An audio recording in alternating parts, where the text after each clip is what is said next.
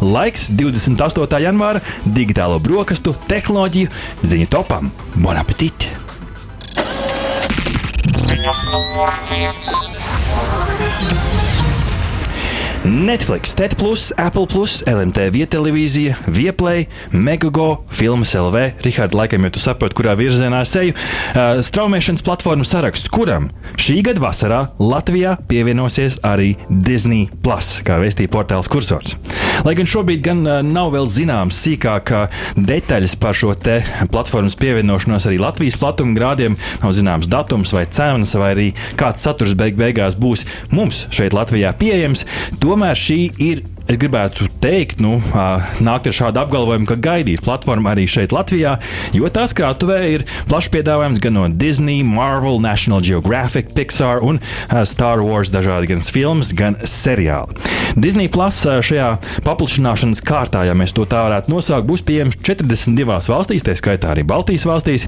Un kā jau starp citu Rikārdu parādīja 21. gada Torrent Freak platformas apkopojums, tad visvairāk nelegāli skatīto seriālu top 10 desmitniekā piecas vietas no šī top aizņēma tieši Disney Plus platformas eh, Marvel ražojumi. Tā kā supervaroņi ir cieņā. Eh, nu, katrā gadījumā šis solis ieviest platformu arī šeit, Latvijā un arī citvietā Eiropā varētu būt tāds eh, loģisks solis pretī arī šo nelegālo skatījumu skaitu samazinājumam. Jo, protams, ja var dabūt labā kvalitātē un par saprātīgu samaksu, un par to mēs vēl nezinām, tad iespējams pat dažkārt vieglāk un ērtāk ir nezakt, bet arī samaksāt par to, ko tu skaties. Jā, nu, straumēšanas platformas tiešām ir populāras. Nu, un, piemēram, daži, daži fakti. Kopš 2019. gada Disney Plus kopējais klientu skaits pērnā gada beigās sasniedza 118 miljonus uh, abonementu. Netflix 2021. gada beigās jau pārsniedza 221 miljonu klientu. Tā kā tiešām ievērojami. Mm -hmm. Un, uh, nu, jāatgādina, protams, ka arī Latvijā būtiski lomu spēlē arī tādi, piemēram, kā TET Plus un Vieplay. Un te gan vietā ir jautājums, cik liela ir Latvijas iedzīvotāju spēja abonēt visas šīs platformas.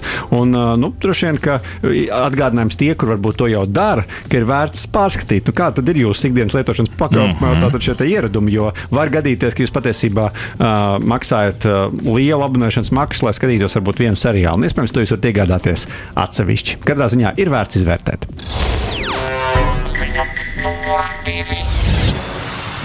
Eiropas parlaments Richard, ir spēlis būtisku soli pretī tam, lai ierobežotu lielo tehnoloģiju uzņēmumu reklama, reklāmu mērķēšanas un pielāgošanas iespējas. Mēs runājam par tām reklāmām, kur tu bieži vien domā, kā viņi zināja, ka šis ir priekš manis. Ar pārliecinošu balsu vairākumu tālākai apstiprināšanai tika virzīta digitālo pakalpojumu akta versija, kas regulē to digitālo pakalpojumu sniedzēju pienākumus, kuri darbojās tieši par starpniekiem, savienojot patērētāju ar precēm, pakalpojumiem un saturu. Respektīvi, nu, tā vienkārši valodā runājot, ir kāds veikals, kuram vajag kaut ko iepārdot, un tad ir liela platforma, kur tu ieej, ieliec reklāmu, samaksā, un tad jau tā tālāk uzrunā tos potenciālos klientus. Līdz ar to nu, praktiskā līmenī tas atverēs nu, tādas platformas kā Google, tā pati Amazon, Meta, jeb šo vecais labais Facebook, no sensitīvu datu izmantošanu šādās mētiecīgās reklāmās. Par kādiem datiem mēs šeit runājam? Pat par seksuālo orientāciju, rasi, reliģisko pārliecību. Šādiem datiem nu, manuprāt, nevajadzētu būt uh, par rīku, lai kādam kaut ko iepārdotu. Uh, līdz ar to lietotājiem būs iespēja atrakstīties. Šeit gan ir interesanti iespēja atrakstīties. Līdz ar to es jau šobrīd gribu popularizēt to, uh, šo te, nu, teikt, domu, apskatīt savus iestatījumus dažādās lietotnēs, jo tur jau šobrīd daudz ko var atrakstīt. Varbūt, ka patiešām būs tāda viena poga, nē, ne, nevēlos, un tad arī vairāk šis nerādīsies. Līdz ar to būs interesanti redzēt, vai to apstiprinās arī gala versijā. Jā, nu, tagad, protams, jāpiemina, ka tas ir tikai pirmais solis. Akts vēl nebūtu apstiprināts, un nu, to Eiropa padomu sāk skatīt tikai 31. janvārī. Tā kā es domāju, ka tur vēl gan liels gan lobbyisti, gan arī pašu nu, teikt, šo te, Eiropas līmeņa normatīvu pieņēmēju darbs vēl priekšā. Un, starp citu, arī ASV līdzīgi rakstura akts ir ticis ierosināts aizdītajā nedēļā. Tā kā šeit nu, divas lielas tādas pasaules daļas strādā vienlaicīgi līdzīgi, nu, uz vienā, vienāda viļņa. Nu, tas, protams, varētu pastiprināt globālākā līmenī platformu reklamēšanas spēju ierobežošanu. Tā kā, nu, redzēsim, kāds attīstīsies. Noteikti ziņosim digitālajās brokastīs. Rihard, tu kā politikas pasaules zinātājs pārāk neiedziļināties varbūt politikā, ja ir tāds pārliecinošs balsojums par šādu nu, melnrakstu, sauksim to tā. Latvijā tas varētu būt skatījums vai ne, lasījums.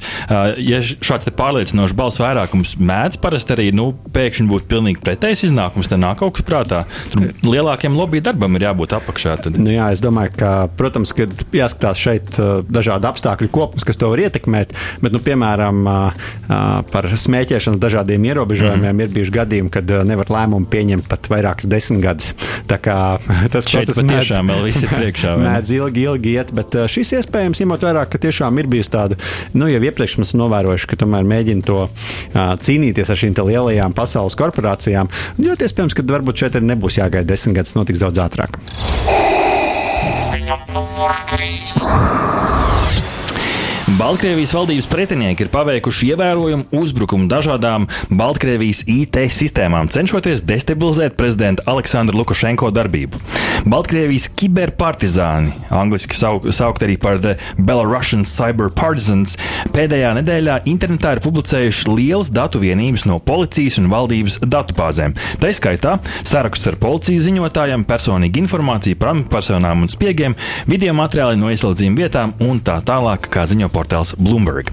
Uzbrukums ir noticis arī Baltkrievijas dzelzceļa datortīkliem, lai palielinātu Krievijas bruņoto spēku pārvietošanos Baltkrievijas teritorijā saistībā ar abu valstu kopīgajām militārajām mācībām. Kā pierādījums veiksmīgam uzbrukumam, šie hakeri ir publicējuši ekrāna uzņēmumus no rezerves serveru datu iznīcināšanas procesa.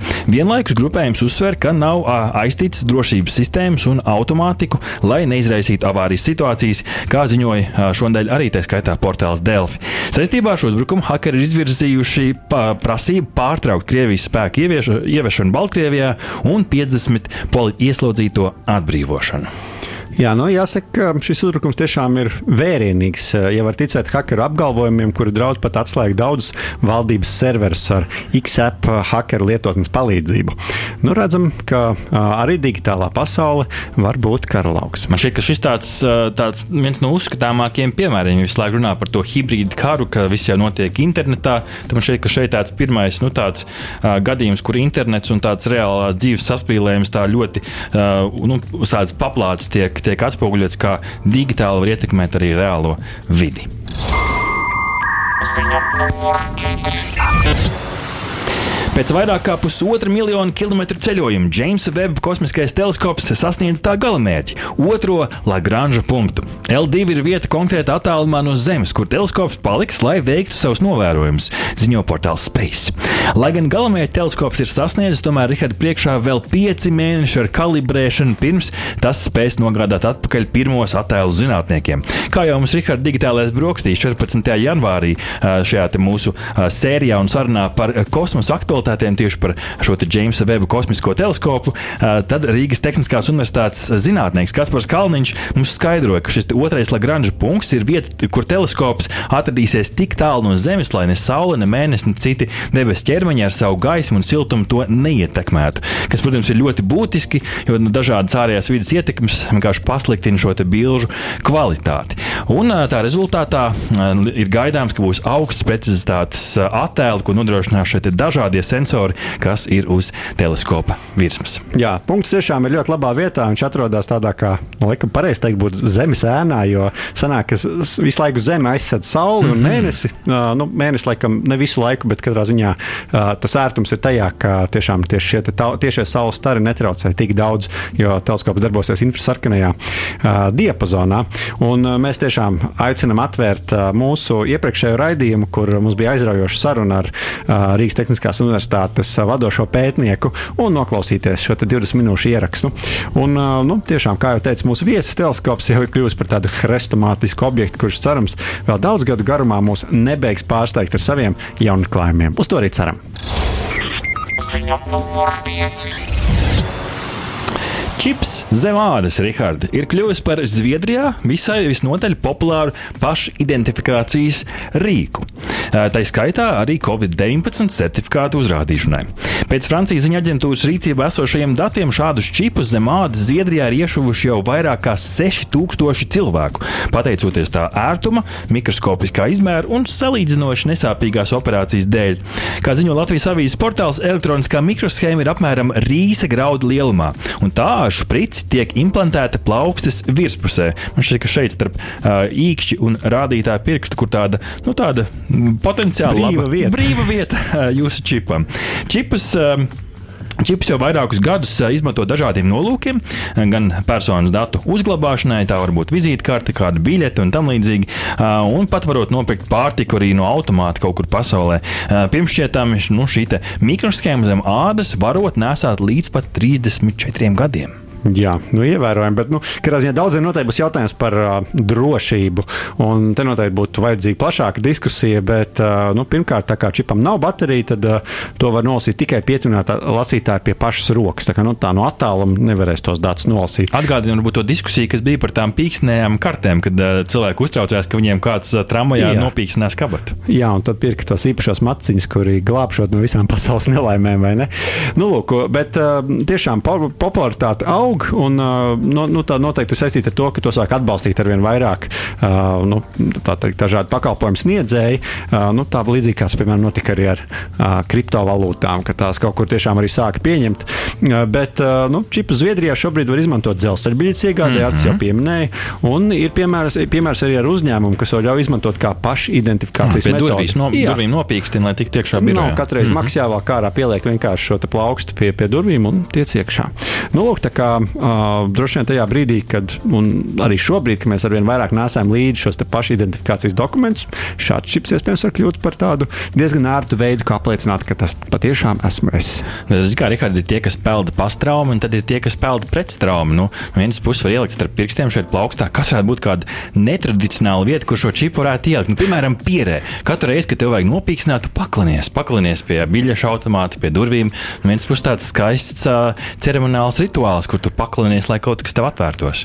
Jā, tā, tā ir taisnība. Tā kā, nu, redzēs, kāds attīstīsies, kādā ziņā nav ko baidīties. Es zinu, ka Latvijā arī ir cilvēki, kuri mēģinājuši kaut ko tādu darīt. Jā. Par to mēs runājām, starp citu, lampas diskusijā. Tieši tā. To arī noteikti var uzmeklēt internetu dzīvēs. Ziņa numur 6. Ķīnas elektroautoražotājs NIO atvērs pirmo elektroautorātu bateriju maiņas staciju Norvēģijā un reizē arī pirmais punkts Eiropā. Tukšas baterijas nomaiņa aptuveni 10 minūšu laikā, nevis to uzlāde, ir šī elektroautomašīnas lielākais trumpis. Uzņēmums plāno līdz 22. gada beigām. Līdz šī gada beigām Norvēģijā ierīkot kopumā 20 šādas stacijas, par to ziņo portāls kursors. Baterijas maiņas process ir vienkāršs, Rihard. Lietotnē sākumā tu piesaki šo vajadzību, ka tev ir nepieciešams nomainīt bateriju.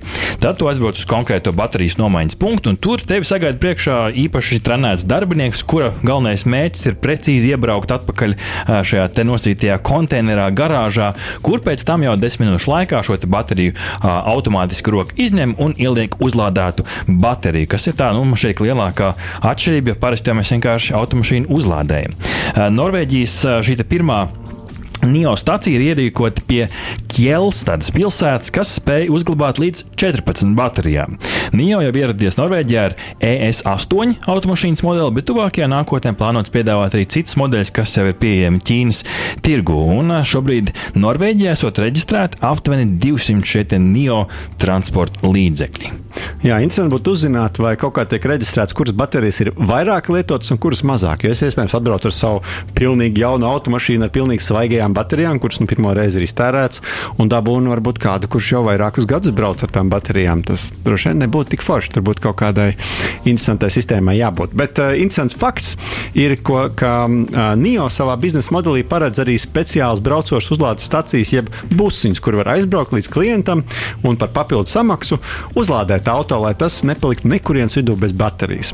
Uh, nu, jā, vēl ziņas par šādu servisu Norvēģijā neesam atraduši, bet uh, droši vien, ka laika gaitā uh, parādīsies. Un, um, tiešām fantastisku izaugsmu uzņēmumu, kurš teju vēl kādu mm -hmm. laiku atpakaļ bankrotē, bet viņus izglāba liela, liela investīcija no Ķīnas valdības puses apmaiņā pret ievērojumu daļu akciju. Nu, tā, tas, protams, uzreiz liek noteikti daudziem sausīties. Jā, no vienas puses ir cilvēki, kas baidās no Ķīnas vietāluņiem, braukt ar Ķīnas mašīnu.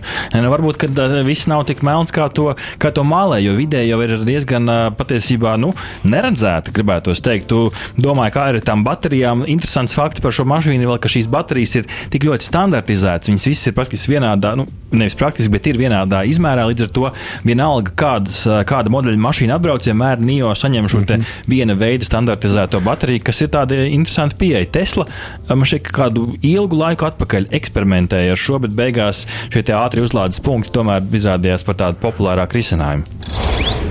Ziņa numur 7.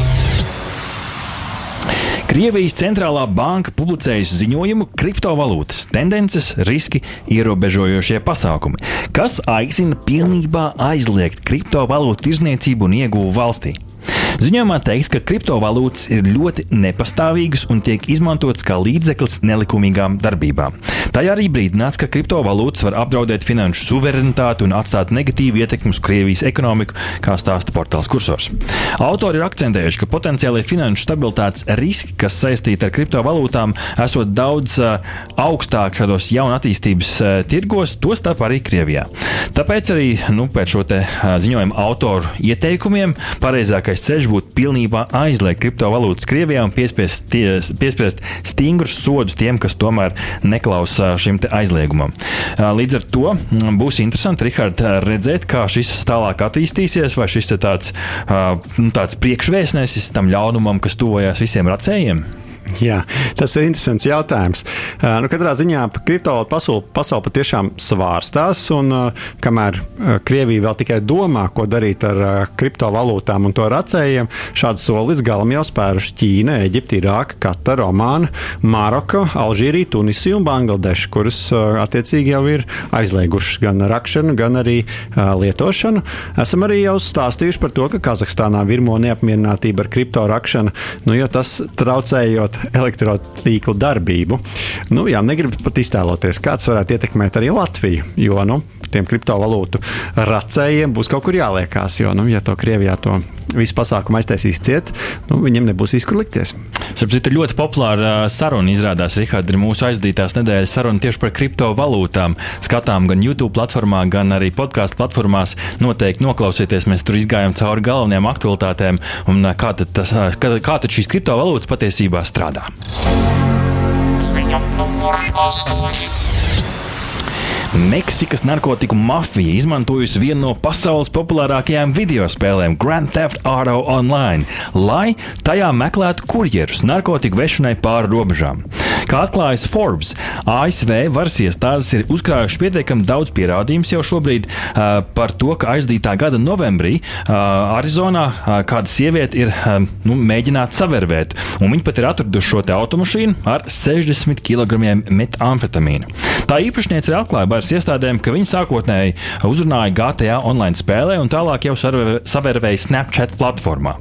Um, nedaudz sīkāk, lai jūs saprastu lietas būtību, tad janvārī šajā GTA online spēlē Alisa no Varro uzrunāja spēlētājs vārdā Džordžs.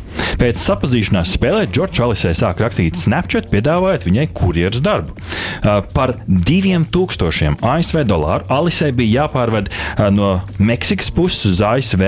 Uh, vienkārši viena krava automašīna pilna ar elektroprecēm. Un izrādās, Rihardi, ka šis ir tāds populārs veids, kā narkotikas tiek pārvestas, viņas tiek paslēptas elektroprecēs iekšā, varbūt pat visas detaļas izņemtas ārā, un kastes pilnas ar šādām nelegālajām vielām. Nu, šajā gadījumā šie ne, nu, nelabēļi ļa, ļaundari bija spēruši vienu soli vēl tālāk. Viņi bija paslēpuši nevis elektroprecēs, bet gan benzīna bākā, lai iespējams apmānītu varas iestādes, bet čiks šoreiz nekā. Jā, nu, Grand Theft Auto šoreiz tiešām ir bijis jāņem zirdziņš, bet video spēles kā tādas ir populāra platforma šādām nelegālām darbībām, jo tajās ir grūtāk izsekot uh, spēlētāju sarunas. Un uh, aizvadītā gada oktobrī, piemēram, pāris nepilngadīgie tika savarvēti izmantojot mobilo spēli uh, Free Fire.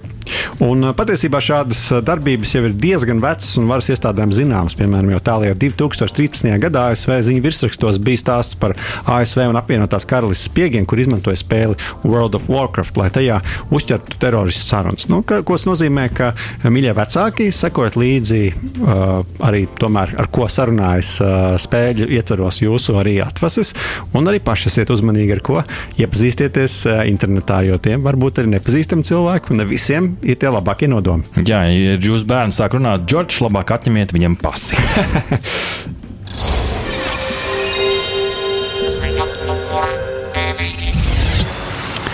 Noslēdzošās divas ziņas no Rīgas Tehniskās Universitātes par to sasniegumiem, to un studentu sasniegumiem. Jo Rīgas Tehniskās Universitātes studentu komanda pirmā Baltijā ir uzprojektējusi un uzbūvējusi lielu jaudas raķeti.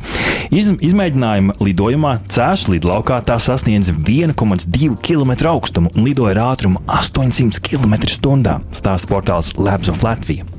Latvijas kosmosa industrijas asociācijas prezidenta Paula Irbina un raķešu konstruktora Andreja Puķīša vadībā RTU programmā Vertikāli integrēts projekts studentu komanda pašu spēkiem uzprojektēja un uzbūvēja raķeti. Vienīgais, ko komanda gan pati neizveidoja, bija šis dzinējs, bet uh, tas jau ir iespējams mazākais no, no visa šīs raķetes uh, korpusa. Uh, kosmosā tā gan vēl Rihards neuzlidoja, taču nākamajā semestrī paredzēts būvēt vēl lielāku un labāku raķetu, un nākotnē iecerēts izveidot arī starpdisciplināru programmu, uh, kur tad studenti un dažādām programmām varēs līdzdarboties, lai arī varbūt kādu dienu mēs lidojam kosmosā.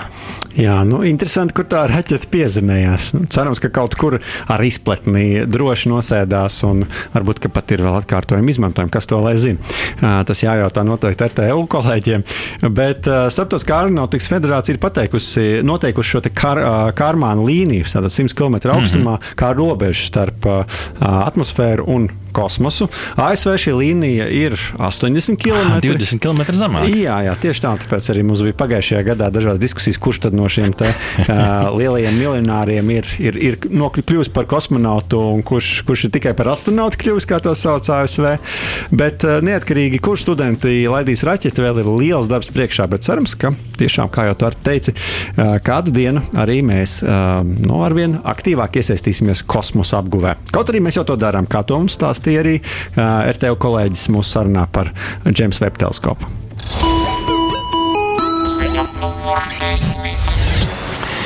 Upes monitorēšanai Rīgas Tehniskās Universitātes zinātnieki izveidojuši upes 3D digitālo dvīni un inovatīvu risinājumu, kas spēj prognozēt plūdu draudus nākamajām 24 stundām, stāsta portāls Delfi.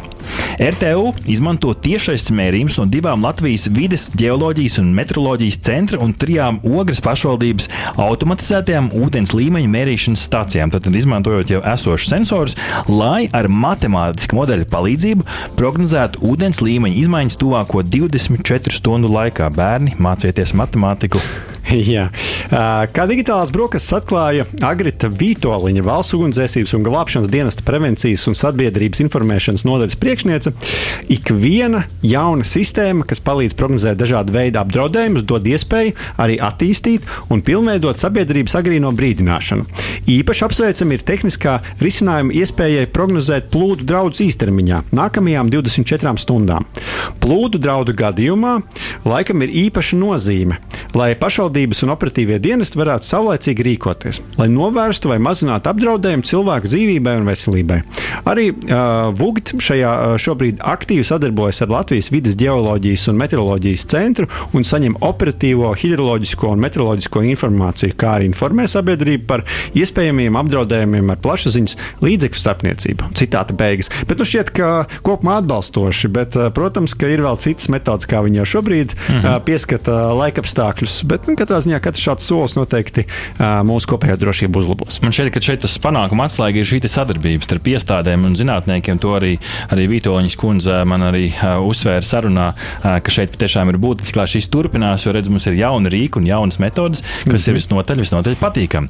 Lūk, šāds šajā rītā mums tehnoloģija ziņu tops, dārgie klausītāji, skatītāji un sekotāji. Ja jūs gribat uh, uzzināt uh, kaut ko jaunu un arī izteikt savu viedokli, noteikti sekojiet mums LSM.CLV Instagram kontā, kur nedēļas sākumā mēs parasti vaicājam jautājumus, tā skaitā arī par šīs nedēļas tehnoloģiju ziņu topu. Aha! Paldies, ka noklausījāties mūsu līdz galam!